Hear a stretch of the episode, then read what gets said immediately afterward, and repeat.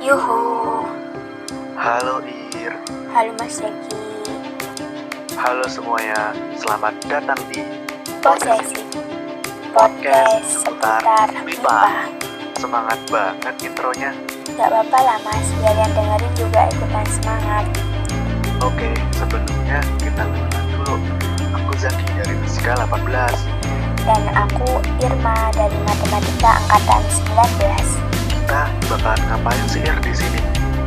Nah, di sini kita bakal bahas hal-hal menarik yang ada di MIPA.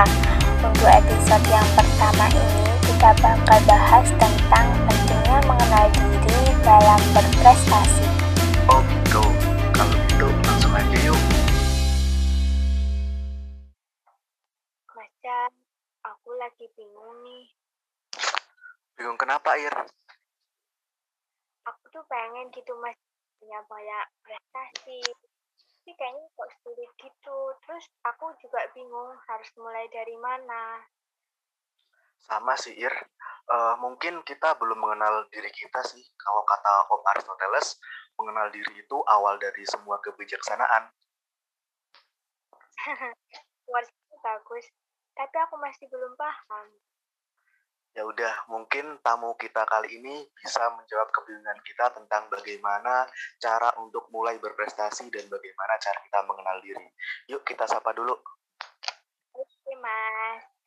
Halo Mas Tian. Gimana nih kabarnya? Halo, baik juga nih.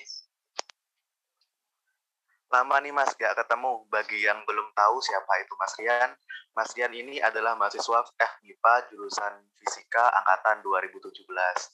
Halo Mas Rian. Ya, halo semuanya.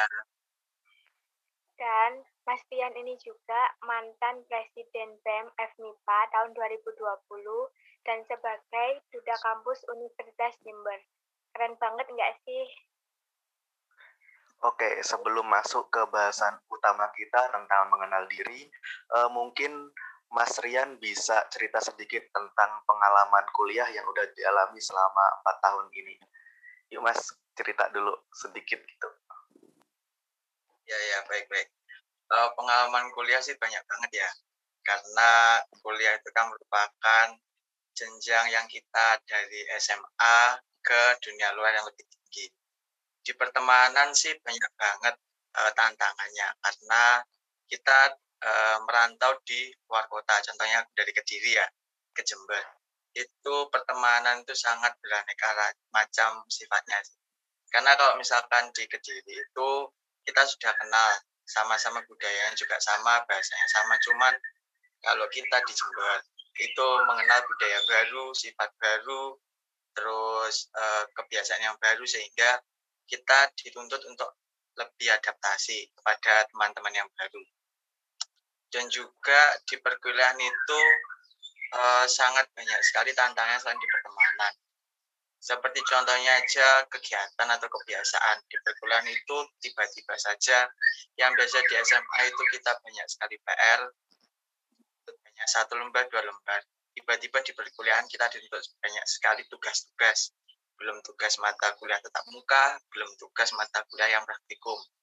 Itu pun eh, terkadang kita harus memiliki sikap proaktif yang tinggi. Karena sekalipun kita tidak mengumpulkan tugas, dosen tersebut juga tidak akan menagihnya. Sehingga kita harus benar-benar lebih memahami dan disiplin dalam manajemen waktu serta manajemen diri kita. Sampai mana sih kemampuan kita? Seperti itu. Nah, terus gimana sih Mas awal mulanya eh, buat Mas Tian itu keinginan buat jadi presiden maupun jadi duta kampus? Oh iya. Eh, untuk yang pertama di BEM dulu ya, karena sudah dari maba, mahasiswa baru, aku ikut magangnya BEM FMIPA tahun 2019. Nah, itu eh, di 2020 akhirnya setelah ikut magang ternyata asik, sesuai dengan passion juga, sehingga memutuskan untuk ikut di staff di bagian hubungan luar BEM FMIPA 2000 eh, sekitar 2019 kayaknya. Nah, jadi magangnya itu 2018, terus ikut BEM-nya pertama kali di 2019.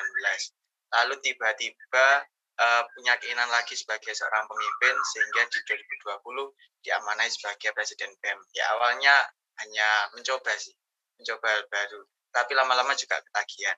Lalu untuk yang duta kampusnya itu sama juga mencoba hal baru, tapi ternyata sesuai passion sehingga uh, tidak terasa capeknya karena itu ada suatu kesenangan sehingga tiba-tiba saja juga diamanai sebagai duta kampus Universitas Jember tahun 2019 seperti itu.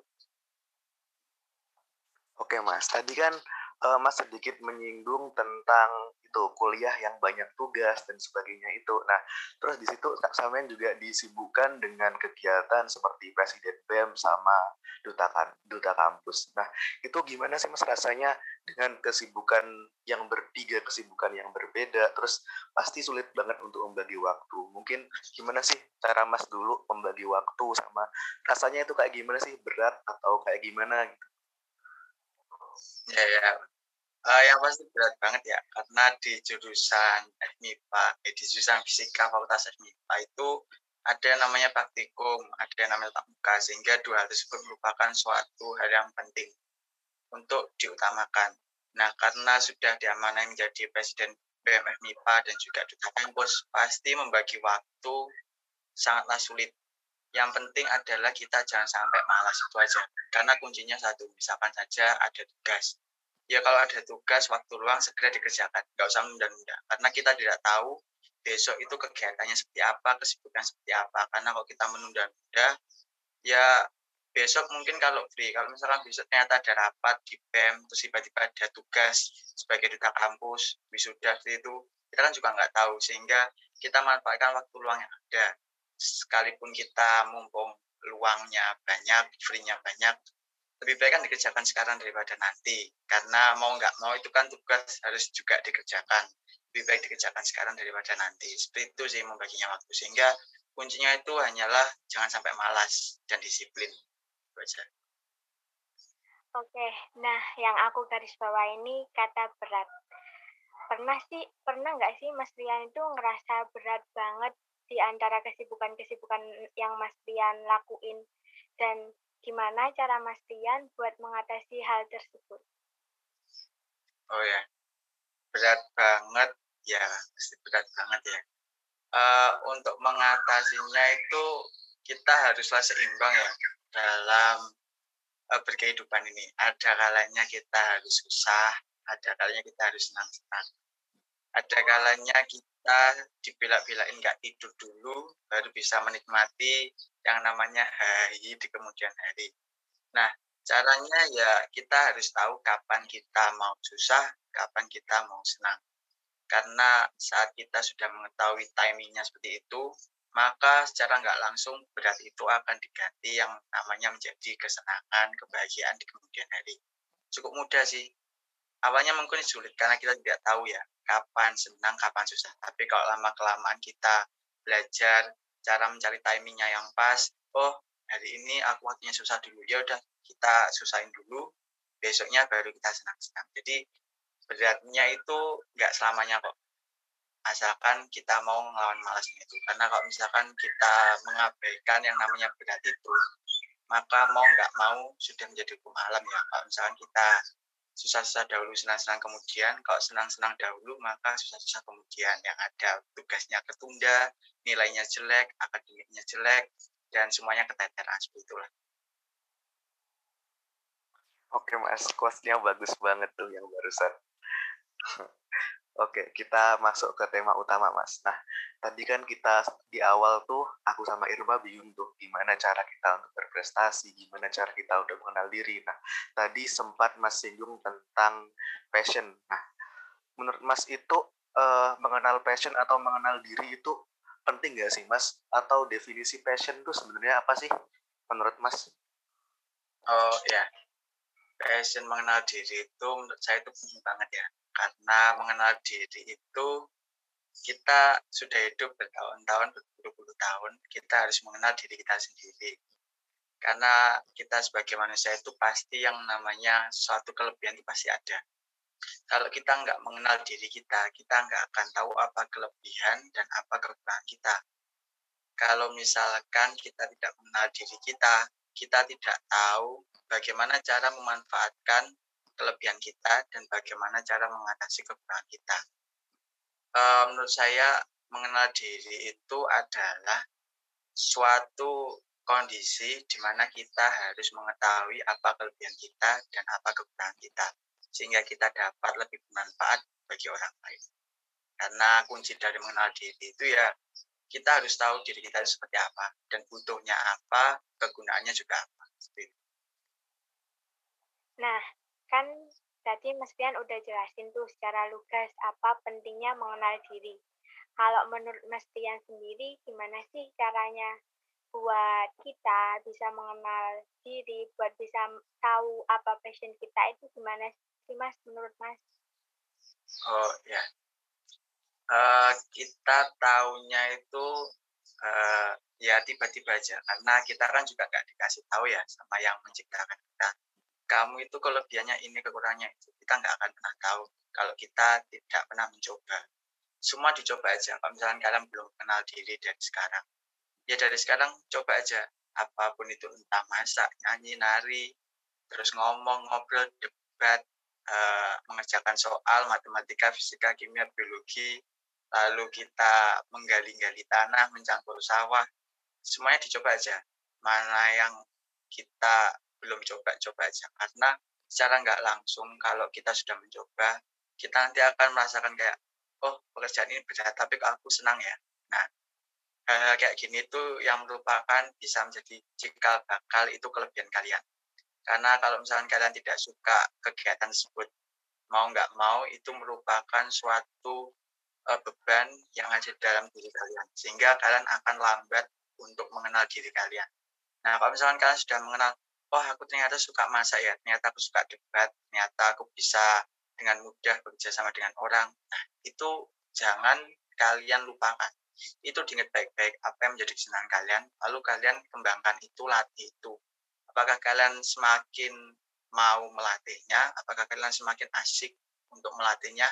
Nah, saat semakin asik itu akan menjadi suatu ketagihan. Nah, itulah uh, titik awal dari kalian mulai mengenal diri kalian itu sendiri. Coba aja semuanya. Pasti kalian nanti bisa mengenal kok diri kalian nanti cocoknya di bidang apa, lingkungannya seperti apa. Kalau kalian tidak pernah mencoba ya mana tahu kalian bisa merasakan diri kalian itu uh, seperti apa. Seperti itu. Wow. Oke mas kayaknya wah quotesnya bagus banget ya barusan. Nah berkaitan dengan itu mas berarti uh, menurut mas kegagalan itu berhubungan gak sih sama kecocokan passion? Jadi kalau misal kita mencoba tuh mencoba misal aku mau ikut lomba fisika, mau ikut lomba olimpiade fisika, eh ternyata gagal dan ternyata waktu itu aku kesulitan. Jadi menurut Mas itu kegagalan seperti itu itu berhubungan banget gak sih dengan passion? Ya, kegagalan itu pasti tidak lepas dari kita sangatlah berhubungan karena itu merupakan suatu langkah yang lebih baik daripada sebelumnya kalian gagal itu berarti kalian sudah berani mencoba kalian sudah bisa maju satu langkah daripada sebelumnya karena kalau kalian itu uh, belum pernah mencoba maka kalian tidak pernah tahu mencicipi rasa yang kegagalan nah yang membedakan adalah kegagalan itu akan membuahkan apa kepada kalian? Akankah membuahkan kalian semangat atau yang namanya depresi? Nah, kalau misalkan kalian kegagalannya itu akan membuahkan semangat, nah itu adalah jika bakal kalian, oh kalian sudah asik nih dengan bidang seperti ini, sehingga sekalipun kalian gagal pasti akan mencoba lagi. Nah, itu akan hubungan langsung ke passion kalian, seperti itu. Jadi nggak ada yang namanya tidak berguna ya semua hal yang kita alami di dunia itu pasti ada manfaatnya di kemudian hari itu. Mantap banget jawabannya. Nah, Mas. Oke, siapa nih? Aku apa kamu yang tanya Ir? Aku masih ada nih. Ya, aku siapa? Uh, oke, oke, kamu dulu. Terkait depresi biasanya kan berhubungan sama overthinking tuh. Menurut Mas oh. Rian, uh, perlu nggak sih overthinking itu uh, overthinking itu kan seperti kita terlalu memikirkan berlebihan ya. Uh, overthinking ya. itu ada saat kita terlalu memikirkan hal-hal yang belum kita kita alami. Seperti contohnya kadang-kadang masa depan, kadang-kadang selalu memikirkan bagaimana sih nasibnya di kemudian hari. Hal seperti itu perlu, hanya saja tidak boleh berlebihan. Karena kalau kita tidak ada overthinking, kita tidak tahu apa yang perlu kita siapkan, dan semangat kita nanti pasti akan kurang. Nah, saat kita berlebihan overthinking, maka terkadang kita itu akan depresi sendiri, terus sedih-sedih sendiri, lalu kita akan bingung karena segalanya di overthinking bagaimana kalau kita gagal? Gimana ya kalau kita nanti nggak berhasil? Nah seperti itu uh, tidak boleh dilakukan terus menerus karena akan menyebabkan penurunan kemampuan dan juga penurunan keinginan kita untuk bersikap maju. Tapi kalau kita juga overthinking itu juga akan memperparah dalam hal yang namanya dalam konteks uh, kita tidak tahu dan kita juga tidak ada kompetisi yang berlebihan atau hal yang menggebu-gebu agar overthinking itu uh, tidak terjadi. Karena kalau kita tanpa overthinking, rasanya kalau menjalani sesuatu itu uh, happy-happy aja. Kadang kita perlu yang namanya keluar dari zona nyaman agar kita juga akan lebih maju daripada sebelumnya. Karena overthinking itu gunanya untuk menakut-nakuti diri kita agar lebih baik semakin maju dalam melakukan sesuatu seperti itu. Oke nih mas, nah itu kan tadi udah dibahas overthinking. Nah tadi kalau dihubungin dengan passion kan tentunya kita perlu sih kalau misal kita udah mengenal passion kita, kita perlu nih cari apa yang apa hal yang untuk menyalurkan gitu. Jadi oh passionku ternyata tentang dunia ambasador. Habis itu kita itu nyalurin di kayak mas itu kayak duta kampus gitu. Tapi di situ kita berpikir oh bisa nggak ya? Kok aku kurang kayak gini? Kok gitu? Jadi kita overthinking kayak gitu. Nah itu gimana sih mas cara buat apa nyalurin overthinking kita untuk menjadi hal-hal yang positif atau untuk menjadi penyemangat gitu? Oh ya uh, kadang kita sering seperti itu ya jangan lupakan kalimatnya. Uh, orang cerdas yang tidak melakukan apa-apa akan kalah dengan orang bodoh yang mencoba dalam segala hal. Nah, itu kita dapat arti kalimatnya itu bahwa kita harus bergerak. Apa pun terjadi kita harus bergerak. Nah, saat kita overthinking, bergeraklah seperti misalkan, oh aku overthinking apakah itu tidak berhasil dan nanti uh, masa depan aku nggak tahu seperti apa, aku nggak bisa mengenal diri aku seperti apa, apa aku nggak punya kelebihan apa aku nggak punya kelebihan apa pun untuk dimanfaatkan bagi orang lain. Kalau kita diam diri saja overthinking terus kita nggak akan menghasilkan apa-apa. Sehingga kalau misalkan kalian overthinking itu lakukanlah sesuatu hal oh aku nggak tahu apa kelebihanku ya dicoba. Coba hal yang belum pernah dicoba. Nah itu salah satu cara mengalihkan overthinking jadi hal yang positif. Kalau misalkan oh besok ulanganku bisa nggak ya ya belajar. Karena percuma kita diam diri overthinking tapi tidak melakukan sesuatu apa-apa. Seperti itu saya kira Oke mas, ini kan aku juga udah semester 6 ini mas, sudah waktu-waktunya overthinking, udah mendekati, mendekati, udah ibaratnya udah angkatan tua ini udah ya. mulai overthinkingnya tentang masa depan udah aduh nanti gimana ya kalau udah lulus? Aduh nanti aku mau kerja apa? Nanti aku lanjut apa enggak? Eh, seperti itu. Mas mas pernah juga gak sih kayak gitu?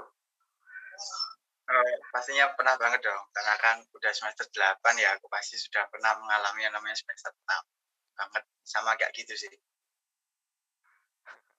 Itu gimana sih? Kalau aku sih kadang kalau udah overthinking mas uh bingung mas mas. Kadang rebahan terus bingung mikir gitu.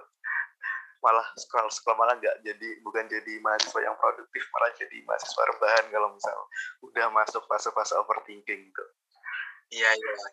Ya gitu ya. Karena kalau misalnya kita overthinking terus kita nggak melakukan sesuatu itu hasilnya nggak akan menjadi apa-apa. Lebih baik saran dari aku kalau misalnya kalian ada overthinking lebih baik kalian cari kesibukan yang sifatnya menggerakkan tubuh kalian jangan cuma kayak scroll-scroll HP, apalagi cuma rebahan. Karena secara nggak langsung otak kalian akan uh, tidak teralihkan oleh kegiatan yang namanya overthinking. Kalau misalkan kalian bergerak, entah itu jalan-jalan, jogging, ngobrol sama orang, terus ketemu sama orang, atau mengerjakan sesuatu, overthinking itu lama-lama juga akan hilang kok karena kalian lebih fokus kepada hal yang di luar overthinking tersebut kalian lebih fokus dalam ngobrol sama temen mengerjakan tugas atau mencari beasiswa mencari yang namanya magang internship seperti itu hal kayak gitu akan menghilangkan overthinking dan malah meningkatkan kemampuan kalian kalau nggak bisa kayak gitu coba aja kalian menyapu mengepel memasak nyanyi, nari kayak gitu. Hal yang sempil kayak gitu lebih baik kan dilakukan daripada kalian memanfaatkannya untuk overthinking. Oke mas, oke oke. Saran yang sangat baik. Ya. Um, nah, aku pengen nanya nih ke Mas Pian lagi. Kan kalau kita itu biasanya itu orangnya itu udah nyaman sama uh, aktif gitu, aktif organisasi, aktif nyari-nyari magang atau uh, cari beasiswa gitu. Terus kan biasanya itu selalu ada tuh orang yang nganggep sebelah mata. Itu gimana sih Mas Tian nanggepnya? Oh ya, ya sih. Kadang saat kita ingin lebih daripada orang lain, orang lain kadang-kadang mencibir, menghujat, kayak gitu ya, membuat ya. mental kita down. Tapi itu hanyalah sesaat ya. Mungkin kan nanti uh, saat mendengar oh kamu sok-sokan rajin sok-sokan cari-cari magang nggak ada kegiatan apa selain cari-cari magang kayak gitu. Nah, itu kalau dari aku sih biarin aja sih kayak masuk telinga kiri keluar telinga kanan karena mereka mengatakan itu hanya sebentar saja kok jangan sampai kalian terlalu memikirkan hal tersebut karena saat mereka ngomongnya hanya lima detik kalian memikirkannya satu hari dua malam Nah itu yang rugi sendiri itu kalian. Karena mereka niatnya mungkin hanya bercanda, mungkin hanya gurauan, kan siapa tahu. Tetapi kalian memikirkannya terlalu serius. Nah itu mungkin Anda yang salah. Atau mungkin mereka yang iri kepada kalian. Nah terkadang uh, kita sendiri yang down gara-gara itu. Lebih baik kalau misalkan ada orang yang mentalnya uh, membuat mental kita down. Lebih baik ya kita belajar untuk mengabaikan hal-hal tersebut. Karena mumpung kita masih mahasiswa ya, belum di dunia kerja, belum nanti ketemu sama bos, sehingga kita harus menguatkan yang namanya motivasi kita sendiri. Motivasinya apa sih? Kita ingin maju. Motivasinya apa sih? Kita ingin lebih baik daripada yang lain. Kembali lagi ke motivasi dan juga kita harus mengenal diri kita. Oh, aku lebih baik di bidang musik kok. Ya udah, walaupun orang lain bilang aku di musiknya itu masih newbie, masih pemula, lebih baik aku belajar dari sekarang daripada nuruti keinginan apa yang diucapkan oleh orang lain itu. Wah, terus Mas ya kan biasanya itu ada tuh ungkapan jangan baper gitu. Cocok nggak sih ungkapan ini buat uh, nanggepin orang yang selalu nganggep remeh itu tadi? Nah, ya bisa juga kita pendamkan kata-kata jangan buat diri kita sendiri. Jangan sampai kita lebih sering mengatakan ke orang lain, eh kamu jangan baper, tapi kita sendiri dikit-dikit baper. Nah itu kebalik ya, lebih baik kita tanamkan diri kita, aku nggak boleh baper, aku nggak boleh baper, daripada kita melontarkannya pada orang lain. Karena kalimat jangan baper ini menurut aku merupakan suatu tameng dan juga suatu peningkat semangat apabila kita diserang oleh orang lain seperti itu. Wow. Yuk Mas okay. lagi atau uh. kan aku termotivasi banget nih sama Mas Tian. Ya, ya, ya.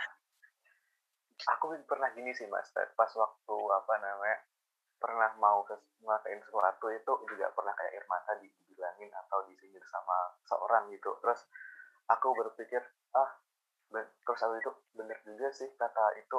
Ya udahlah nggak jadi. Aku pergi sampai sini. Itu gimana sih mas?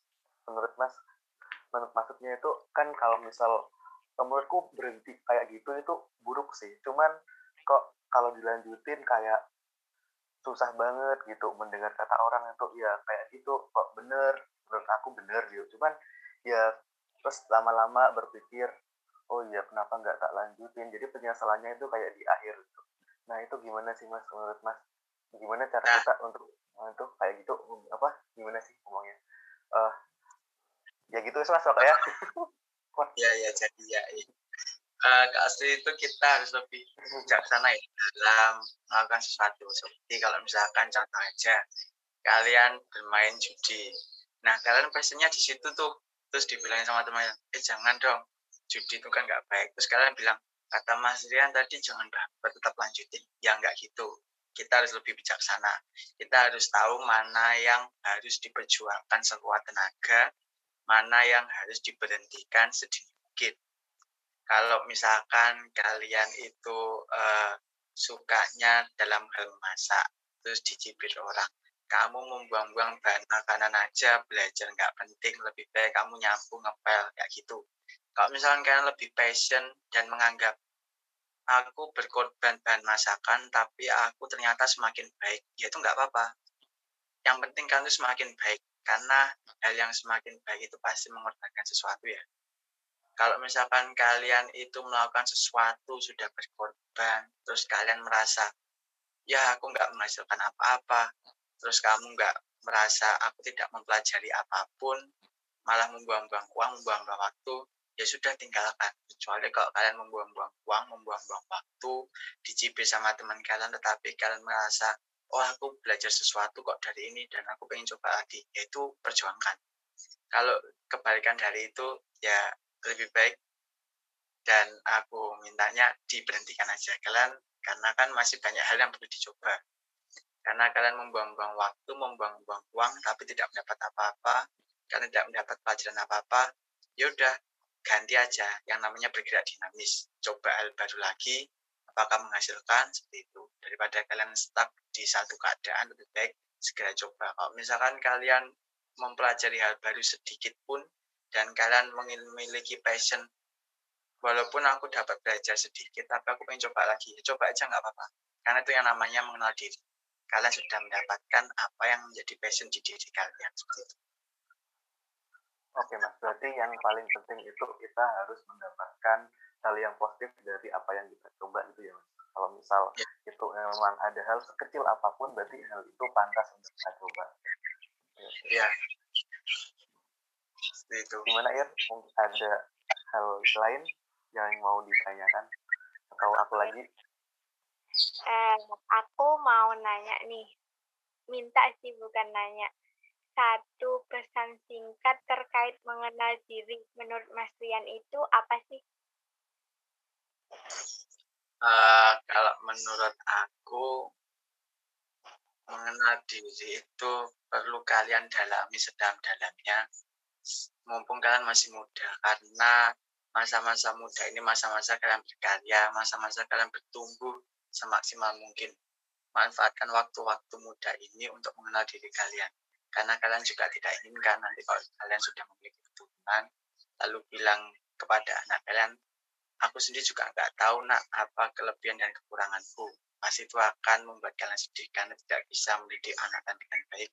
Dan juga akan tidak bisa menikmati hidup karena kalau kalian tidak mengenal diri kalian, tidak tahu apa kelebihan dan kekurangan, maka hidup akan menjadi kurang berwarna seperti itu. Oke, mantap sekali. Uh, ya, berarti garis besarnya itu kita harus mengenal diri dan passion kita buat uh, tahu harus apa, harus ngapain, dan kita itu harus bekerja keras mulai dari sekarang agar di hari tua nanti kita tinggal menikmati hasilnya. Gimana nih Mas Jack? Iya ya, aku termotivasi. Ya, aku termotivasi, termotivasi banget nih sama tamu kita kali ini, Ir. Kata-katanya bagus banget dari tadi. Udah memotivasi banget, udah kalah levelnya Mario, udah levelnya Mario Teguh ini. Berlebihan kamu jadi. Gimana Air? Udah ini ternyata kita udah berbincang cukup lama nih, udah sekitar 30 menit. Uh, terima kasih ya Mas Rian sudah hadir atau udah bersedia menjadi tamu di podcast pertama kita ini di Posesif Podcast seputar MIPA. Terima kasih juga ya pada Jaki dan juga Ilma dan teman-teman lain. Semoga kalian semakin lagi dan sukses yang sudah kakak sampaikan kepada kalian. Amin. Oke, Oke teman-teman, kita sudah berada di ujung acara kita. Terima kasih bagi kalian yang sudah mendengarkan dan menyimak dari seluruh apa yang kita sampaikan di podcast pada siang hari ini. Oke, sekian dari kami. Uh, mungkin dari Irma ada yang mau ditambahkan? Cukup dari aku. Jangan bosan-bosan buat dengerin podcast kita di episode selanjutnya. Oke, bye-bye semua teman-teman. Halo Anton. Halo Linda. Selamat datang di Posesi. Podcast, podcast putar MIPA. Pada podcast kali ini, aku Anton dari Matematika 19 ditemani dengan Aku Rinda dari Matematika 19 akan berbincang seputar prestasi dengan narasumber kita kali ini yaitu Mbak Dea Meliane Putri. Oke, buat teman-teman yang belum tahu dengan Mbak Dea, Mbak Dea ini Mawapres FMIPA UNED 2021 dan Mbak Dea ini merupakan mahasiswa dari jurusan Kimia Angkatan 18. Wah, keren sekali nih narasumber kita kali ini. Sebelum kita berbincang terlalu jauh, aku mau menyapa narasumber kali ini. Halo Mbak Dea, bagaimana nih kabarnya? Halo, Alhamdulillah sehat, baik. Kalau kalian sendiri gimana nih? Alhamdulillah Mbak, baik juga. Oke. Untuk ke sekarang kesibukannya apa nih Mbak? Kalau untuk kesibukannya biasa ya, mahasiswa semester akhir, tugas akhir, terus sama masih aktif di beberapa uh, komunitas, organisasi juga. Terus apa ya, palingan itu sih jadi moderator di beberapa tempat, kemudian ngisi beberapa uh, kegiatan gitu-gitu aja sih kesibukannya. Wah, produktif sekali nih Mbak Dea teman-teman. Keren banget nih Mbak Dea. Daring tapi tetap produktif ya Mbak? Iya harus gitu kan ya katanya. Mungkin langsung saja nih Mbak. Aku ingin tanya-tanya ke Mbak Dea. Dari kamu dulu apa aku Niton? Uh, aku dulu Derin. Uh, untuk mengawali, aku ingin nanya nih ke Mbak Dea. Apa sih makna prestasi sendiri menurut Mbak Dea? Oke, kalau makna prestasi ya, kalau dari aku sendiri sih, aku mengartikan prestasi itu sebagai sebuah pencapaian ya, dan untuk standar prestasi dari satu orang dengan orang lain itu pasti kan beda kan. Ada orang yang mendefinisikan prestasi itu sebatas pada pencapaian-pencapaian akademik seperti nilai yang tinggi, kemudian prestasi di uh, menang lomba di mana-mana semacam itu. Tapi kalau menurut aku prestasi itu lebih luas dari itu karena tidak hanya seputar akademik aja, tapi juga bagaimana kita bisa memberikan uh, pencapaian kita yang berdampak gitu ke lingkungan sekitar kita, berkontribusi untuk orang lain juga. Gitu kalau menurut aku, deh. Uh, nah, berbicara tentang pencapaian nih, Mbak. Salah satu pencapaian akademik Mbak Dea sendiri kan juara satu Mawapres FIPA UNES 2021. Gimana sih awal mulanya Mbak Dea berkeinginan untuk menjadi mawapres dan apa yang memotivasi Mbak Dea sendiri? Oke, kalau berbicara tentang apakah dari dulu emang pengen banget jadi mawapres, sebenarnya kalau dari maba nih ya, dari aku maba itu kalau berkeinginan Enggak sih, tapi pernah kebayang ya, pasti pernah lah ya. Kan kebetulan waktu tahun 2018 itu uh, Mawapres di FMIPA itu kakak tingkatku dari kimia juga. Ada Mas Jonathan waktu itu dan uh, karena satu jurusan otomatis kan aku sering gitu ya ketemu sama Mas Jo itu dan aku melihatnya wah memang uh, dari beliau sendiri itu juga sosok yang keren gitu. Ternyata Mawapres keren juga ya gitu. Tapi untuk kepikiran sampai suatu saat aku jadi mawapres itu enggak sih dan uh, sampai aku berada di titik ini pun sebenarnya ini banyak sekali cerita-cerita yang mungkin nggak diketahui oleh semua orang ya bahkan teman-teman aku juga gitu. Karena uh, dari awal dari maba bahkan keinginan untuk mendaftar uh, mawapres pun juga nggak ada gitu. Karena dari dulu memang uh, apa ya aku fokusnya bukan di akademik kan ya fokus di akademik. Tapi uh, bukan menjadikan itu sebagai target utama aku gitu loh Jadi masih banyak fokus-fokus yang aku lakukan yang lainnya. Nah, kebetulan waktu tahun ini, tahun 2021 ini, kemarin waktu uh, pemilihan Pilmapres FMIPA itu pun, aku daftarnya itu udah uh, H plus berapa penutupan gitu. Kalau nggak salah sekitar H plus 4 penutupan. Jadi sebenarnya nggak ada keinginan untuk mendaftar itu.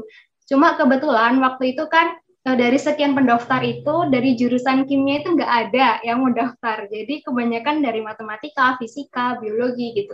Nah, sedangkan aturannya kan dari setiap jurusan harus ada delegasinya gitu kan.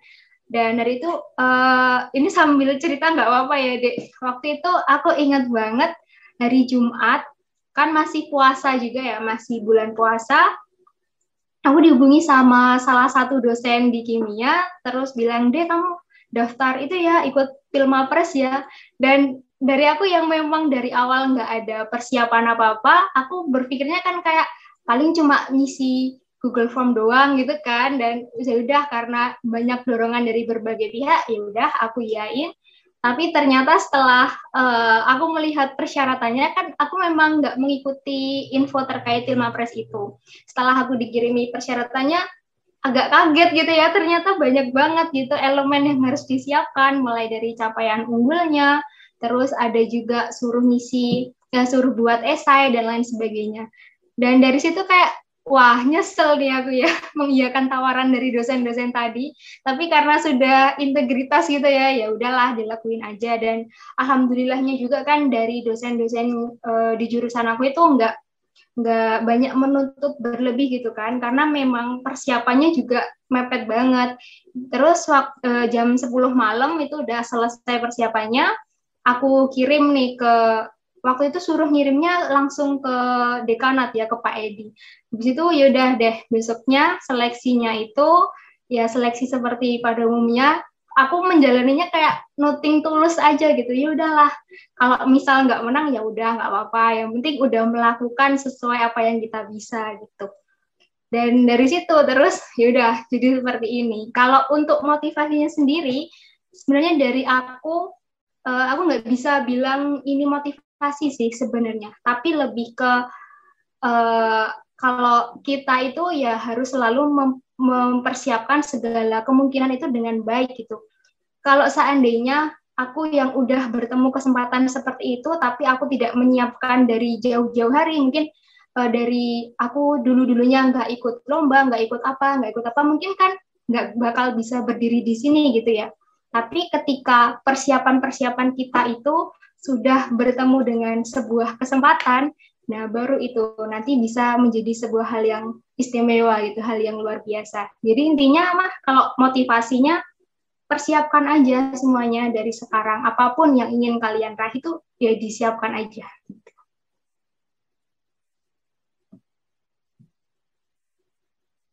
Wah, sepertinya perjalanannya Mbak Dia menjadi mawapres ini tidak mudah ya. Uh, Sangat apa, tidak apa mudah. sih? Ya. Apa aja sih kendalanya Mbak menjadi untuk menjadi mawapres ini? Uh, kalau kendalanya untuk menjadi mawapres ya itu kalau dari aku sendiri sih karena aku waktunya yang mepet ya. Jadi kayak untuk persiapan persiapan administrasinya itu kan memang banyak ya rangkaian administrasinya yang harus dipersiapkan itu banyak banget. Kayak ada suruh uh, bikin esai dengan ketentuan uh, sedemikian rupa dan temanya juga ditentukan juga kan. Terus yang uh, file-file kayak capaian unggul, piagam dan lain sebagainya itu. Kemudian transkrip nilai dan uh, CV kalau nggak salah aku agak lupa sih ya. Itu pokoknya kendalanya sih itu ya untuk menyiapkan. Tapi kalau memang sudah disiapkan jauh-jauh hari ya itu bukan kendala lagi sih. Sama uh, ya pastinya harus mempersiapkan itu ya capaian unggulnya, prestasi-prestasinya itu. Itu kalau untuk menjadi mawapres itu sih kendalanya dari aku. Keren banget nih Mbak Dea. Nating tulus tapi jadi juara Mbak. untuk menurut Mbak Dea sendiri setuju nggak sih kalau untuk melakukan sesuatu itu yang paling sulit untuk memulai adalah berniat.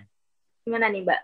Menurut Mbak ya? Uh, kalau berniat itu menurut aku ya, kalau cuman sekedar niat itu semua orang bisa nggak memandang dia itu mahasiswa kah dia mungkin anak SMA kah anak SD orang tua dan lain sebagainya dari berbagai kalangan kalau cuma berniat itu mereka pasti semuanya bisa tapi kembali lagi menentukan niat yang baik niat yang sesuai dengan kebutuhan kita niat yang sesuai dengan uh, kemampuan kita itu yang masih mungkin nggak semua orang itu bisa gitu. Kalau dari aku gitu sih, karena ada yang jauh lebih berat daripada berniat. Setuju, setuju sih kalau ini. Kalau menurutmu gimana nih, Tal? Uh, ya, aku sih setuju dong. Soalnya ya dengan niat, menurutku uh, niat itu jadi jembatan gitu untuk penghubung meraih keberhasilan gitu. Nah, benar sih. Kadang kan kalau cuma berniat nih kayak aku niat pengen jadi atlet gitu. Ya semua orang bisa kalau cuma niat, tapi kan nggak nggak semua orang bisa sungguh-sungguh menjalankan niat itu kan. Nggak semua orang kuat untuk uh, konsisten melakukan usaha untuk merealisasikan niat itu gitu.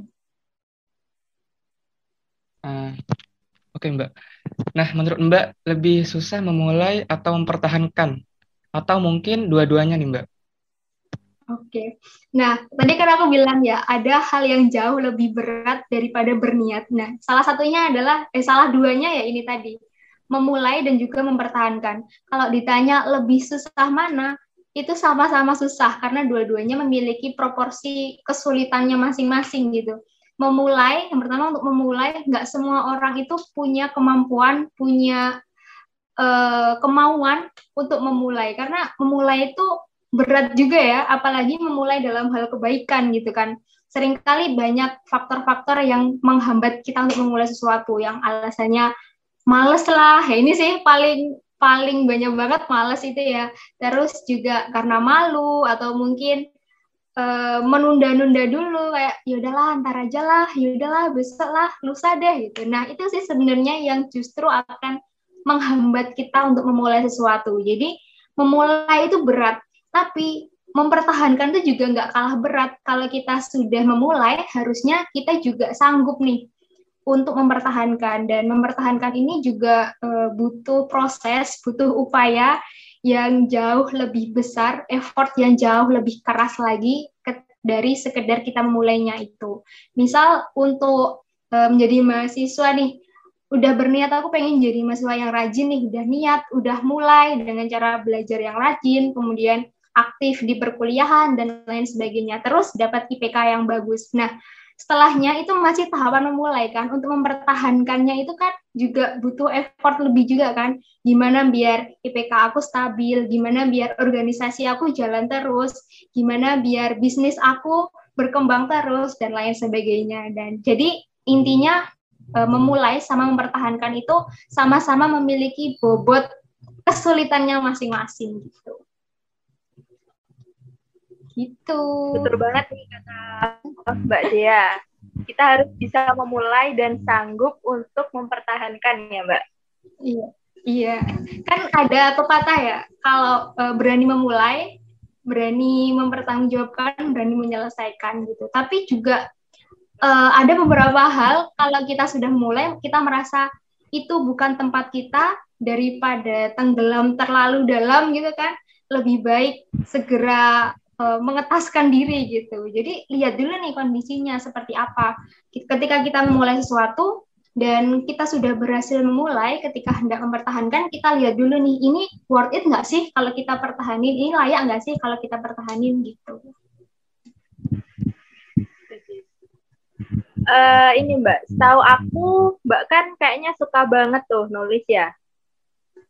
Nah, kata orang sendiri membuat ide tuh kan sulit ya Mbak. Gimana sih cara Mbak Dea untuk menggali sebuah ide sendiri?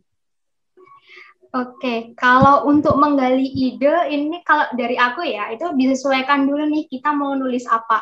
Kebetulan kan uh, aku juga suka nulis di blog juga kan di Tumblr dan kalau untuk menulis tipe karya tulis ilmiah sendiri, misal LKTI ataupun sejenisnya, dari mana bisa mendapatkan ide itu ini sharing dikit nggak apa-apa ya. Jadi waktu aku maba itu waktu uh, rangkaian PPMB jurusan salah satu materinya kan ada Pak Syaifullah dekan FMIPA dan itu dari beliau itu pernah bilang gini, ketika kita pengen cari ide yang segar, kita pengen cari uh, apa gambaran atau apa pun, coba deh jalan gitu. Nah, jalan ini maksudnya kalau kita jalan kan kita pasti nanti bakal ngelihat sesuatu yang nggak ada eh, di sekitar kita gitu loh. Kalau beda kalau kita cuma stay di kosan, stay di rumah, yang kita lihat kan cuma itu itu aja ya kan. Tapi kalau kita jalan keluar, kita bakal lihat orang-orang lagi ngapain di uh, di selokan ada apa, di jalanan itu ada apa ya, dan itu dari hal-hal yang kita temukan secara nggak sengaja itu bisa memunculkan ide-ide yang luar biasa juga. Atau kalau nggak gitu, eh, banyak-banyak aja baca referensi seperti jurnal, kemudian juga KTI-KTI eh, dari orang lain, kemudian baca-baca berita, baca-baca uh, hal-hal yang lagi viral dan lain sebagainya itu bisa memicu datangnya ide-ide sih kalau dari aku untuk itu untuk karya ilmiah. Kalau sedangkan untuk penulisan tulisan yang lebih lebih apa ya lebih santai kayak nulis di blog dan lain sebagainya itu kalau aku biasanya dari pengalaman pribadi sih kalau nggak gitu eh, referensi dari buku apa yang aku baca ada uh, fenomena apa yang lagi berkembang di masyarakat itu bisa menjadi ide untuk kita. Uh, Oke okay nih Mbak, kadang kita tuh sering punya ide bagus, ide gila, ide yang baik lah pokoknya. Tapi nggak tahu nih gimana cara mengaplikasikannya. Kalau Mbak sendiri pernah nggak kayak gitu? Kalau pernah, apa yang Mbak lakukan nih? Kalau punya ide yang bagus terus ragu untuk mengaplikasikannya, mengaplikasikannya itu pernah ya. Misal kayak, wah aku udah punya pemikiran bagus banget nih, kayaknya keren nih kalau di uh, dicurahkan dalam bentuk karya tulis gitu ya tapi sering kali kayak terhambat dengan beberapa hal dan lebih seringnya itu penghambatnya itu dari dalam diri sendiri gitu loh. Kayak uh, ide itu kan sifatnya temporary ya nggak nggak menetap gitu loh. Kadang detik ini kita punya ide istimewa nih jreng gitu. Nah satu jam kemudian bisa aja kita tuh udah lupa apa sih ide kita tadi gitu.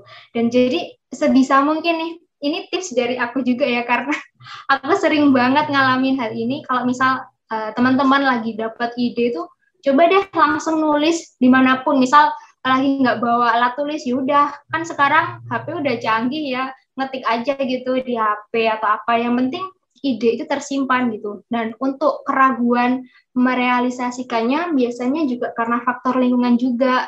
Karena ada beberapa orang yang mungkin meremehkan ide kita atau mungkin menganggap ide kita itu uh, nggak bermutu dan lain sebagainya. Tapi ya yang uh, yang harus kita garis bawahi kan kita yakin kan ide itu bagus dan nggak ada yang bisa menjamin ide itu bagus atau enggak sebelum kita mencoba untuk merealisasikannya. Jadi ya udah yang harus dipegang itu berani mencoba, berani merealisasikan, berani memulai dulu gitu. Yang terakhir nih Mbak, apa sih tips Mbak Dea buat teman-teman yang lain agar bisa meraih gelar mahasiswa berprestasi? Oke, untuk tipsnya ya, mungkin uh, lebih buat adik-adik gitu ya. Sebisa mungkin itu segalanya dipersiapkan dari awal, mumpung masih maba nih, masih apa yang buat angkatan 2021, angkatan 19, angkatan 20 gitu. Uh, mempersiapkannya dari apa? Yang pertama tentunya kita penuhi dulu persyaratan minimum dari untuk bisa menjadi mawapres itu persyaratan minimumnya apa aja sih gitu kan? Pastinya ada kan? Salah satunya adalah nilai. Kalau nilai kita nggak mencukupi untuk mendaftar pun ya nggak bakal bisa kan? Jadi yang pertama harus e, menstabilkan nilai akademik kita.